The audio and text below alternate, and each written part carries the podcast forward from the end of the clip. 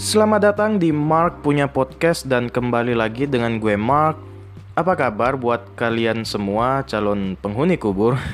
gue harap kalian tetap baik-baik aja, tetap sehat selalu, bahagia selalu walaupun kondisinya kita tuh diharuskan untuk tetap di rumah aja gitu ya. Episode kali ini datang dari beberapa pendengar gue yang kepengen gue untuk ngebahas atau tanggapan gue terhadap corona gitu.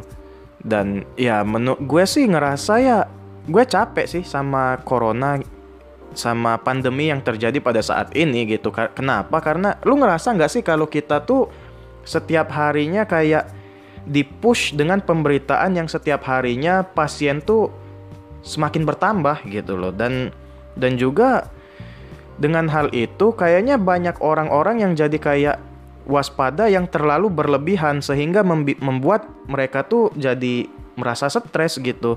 Banyak contoh hal yang seperti itu yang apa ya bisa dibilang mereka itu stres malah ketakutan dan akhirnya gabut sendiri gitu loh.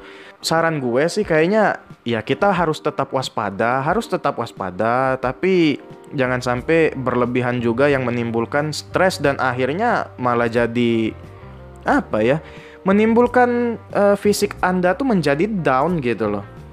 Jangan sampai gitu juga. Ya, kita setidaknya ikutilah anjuran dokter gitu kan kayak misalnya kita harus rajin-rajin cuci tangan gitu dan juga kalau pergi-pergi ya udah misalnya kalau lu harus urgent harus pergi gitu ya kalian harus pakai masker dan siapkan hand sanitizer dan hand sanitizernya itu pun ya udah sih yang kecil aja gitu. Jangan jangan terlalu lebay juga. Kadang-kadang orang orang-orang tuh lebay gitu loh.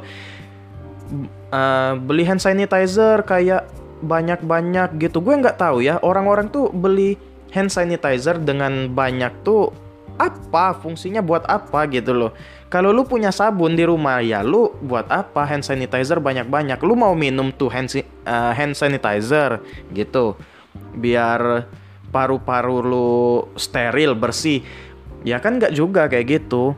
Dengan kalian seperti itu ya jadi orang-orang tuh malah kesulitan buat dapat hand sanitizer.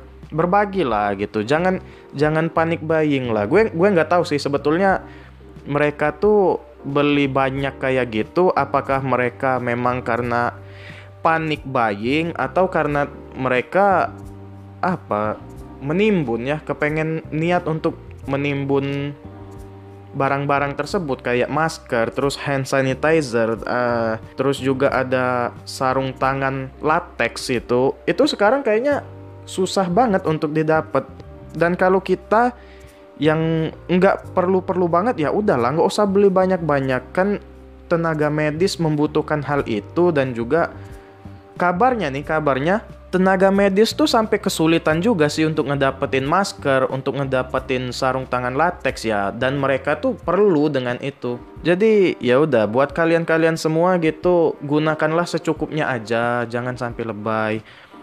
Terus juga corona nih malah bikin stres juga loh. Iya, karena yang kita tahu kan sekarang tuh perekonomian terutama perekonomian Indonesia tuh lagi down-downnya banget dan terus juga ada orang-orang yang kayak bilang udah Indonesia lockdown aja semua lockdown. Ya nggak gitu juga sih. Lu mikirin gak sih? Ya mungkin mungkin nih mungkin yang bilang-bilang kayak gitu. Uh, perekonomian mereka bagus perekonomian mereka baik atau mungkin mereka itu eh, pegawai-pegawai PNS lah. Terus bagaimana dengan pegawai-pegawai swasta yang apa ya yang membutuhkan uang gitu loh nggak bisa kayak gitu. Nggak bisa semua hal itu di semua di lockdown.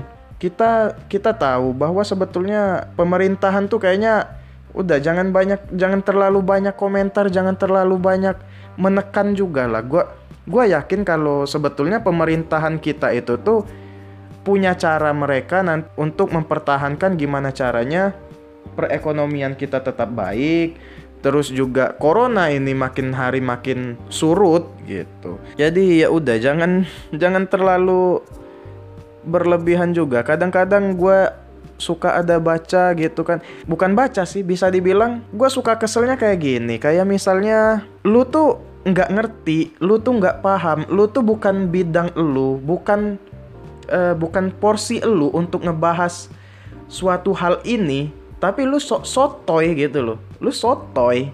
Lu sotoy dan akhirnya sok pinter kalau seandainya omongan lu dipatahin, lu tuh bisa malu sendiri gitu loh. Kayak misalnya, wah begini begini begini, rupiah rupiah sekarang melemah karena begini begini begini.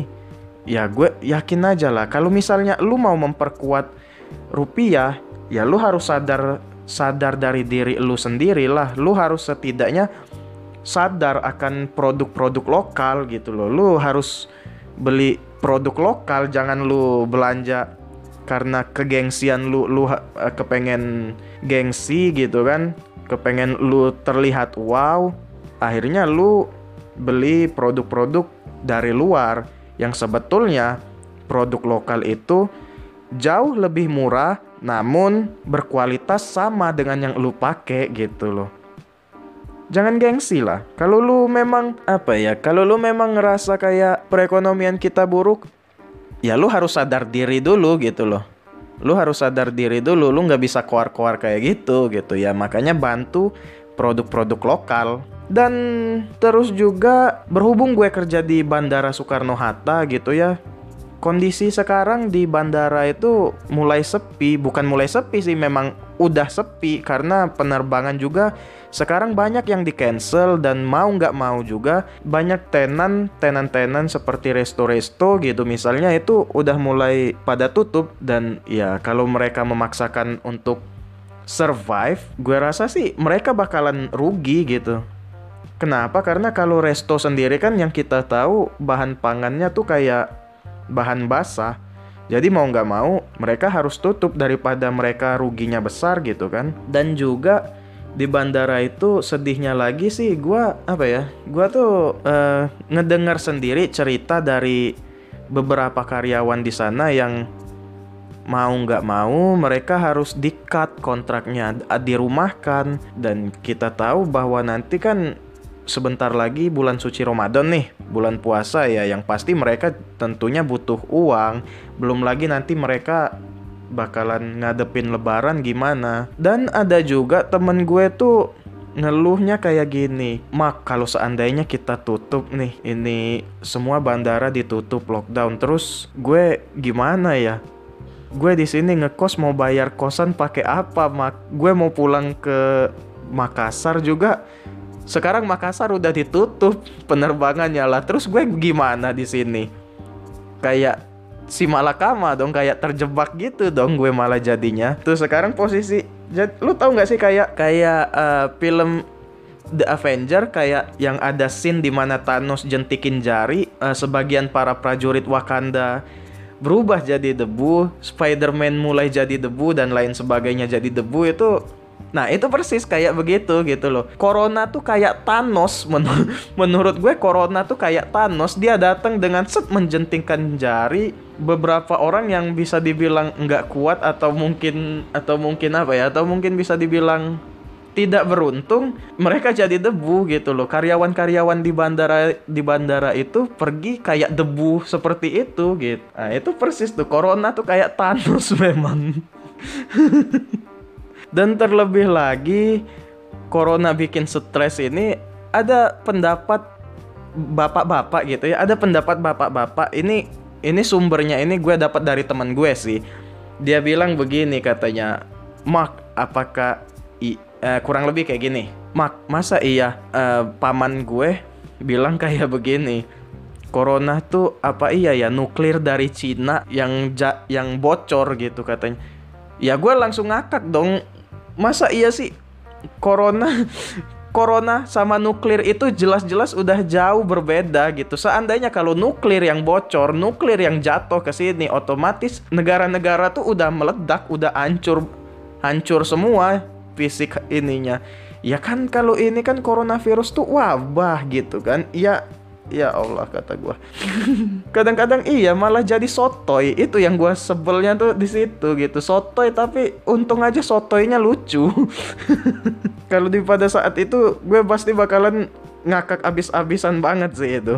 Dan stresnya lagi stres stresnya lagi nih ya. Ada video yang beberapa waktu lalu itu viral ada beberapa anak-anak the millennials pergi ke uh, pergi ke sebuah pusat perbelanjaan untuk beli busana atau fashion gitu. Terus mereka tuh malah mengisi ulang ini hand sanitizer yang ada di toko itu yang di mana hand sanitizer itu tuh diperuntukkan untuk customer yang datang ke sana gitu kan dan mereka malah kayak seenaknya egois buat mengisi ulang botol hand sanitizer mereka gitu. Ya Allah kata gue itulah mungkinnya kehebatan dari kebiasaan-kebiasaan dari orang-orang plus 62 gitu. Dan kayaknya di episode kali ini gue nggak bakalan cerita panjang lebar juga soal corona ya. Sebetulnya gue juga males buat ngebahas ini dan buat kalian tetap di rumah aja, stay safe di rumah gitu. Buat kalian ya udah tetap di rumah aja, eh, jaga kesehatan,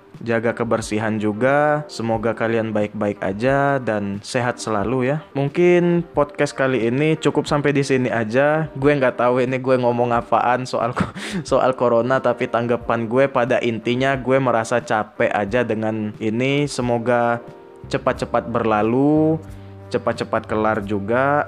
Terima kasih telah mendengarkan. See you.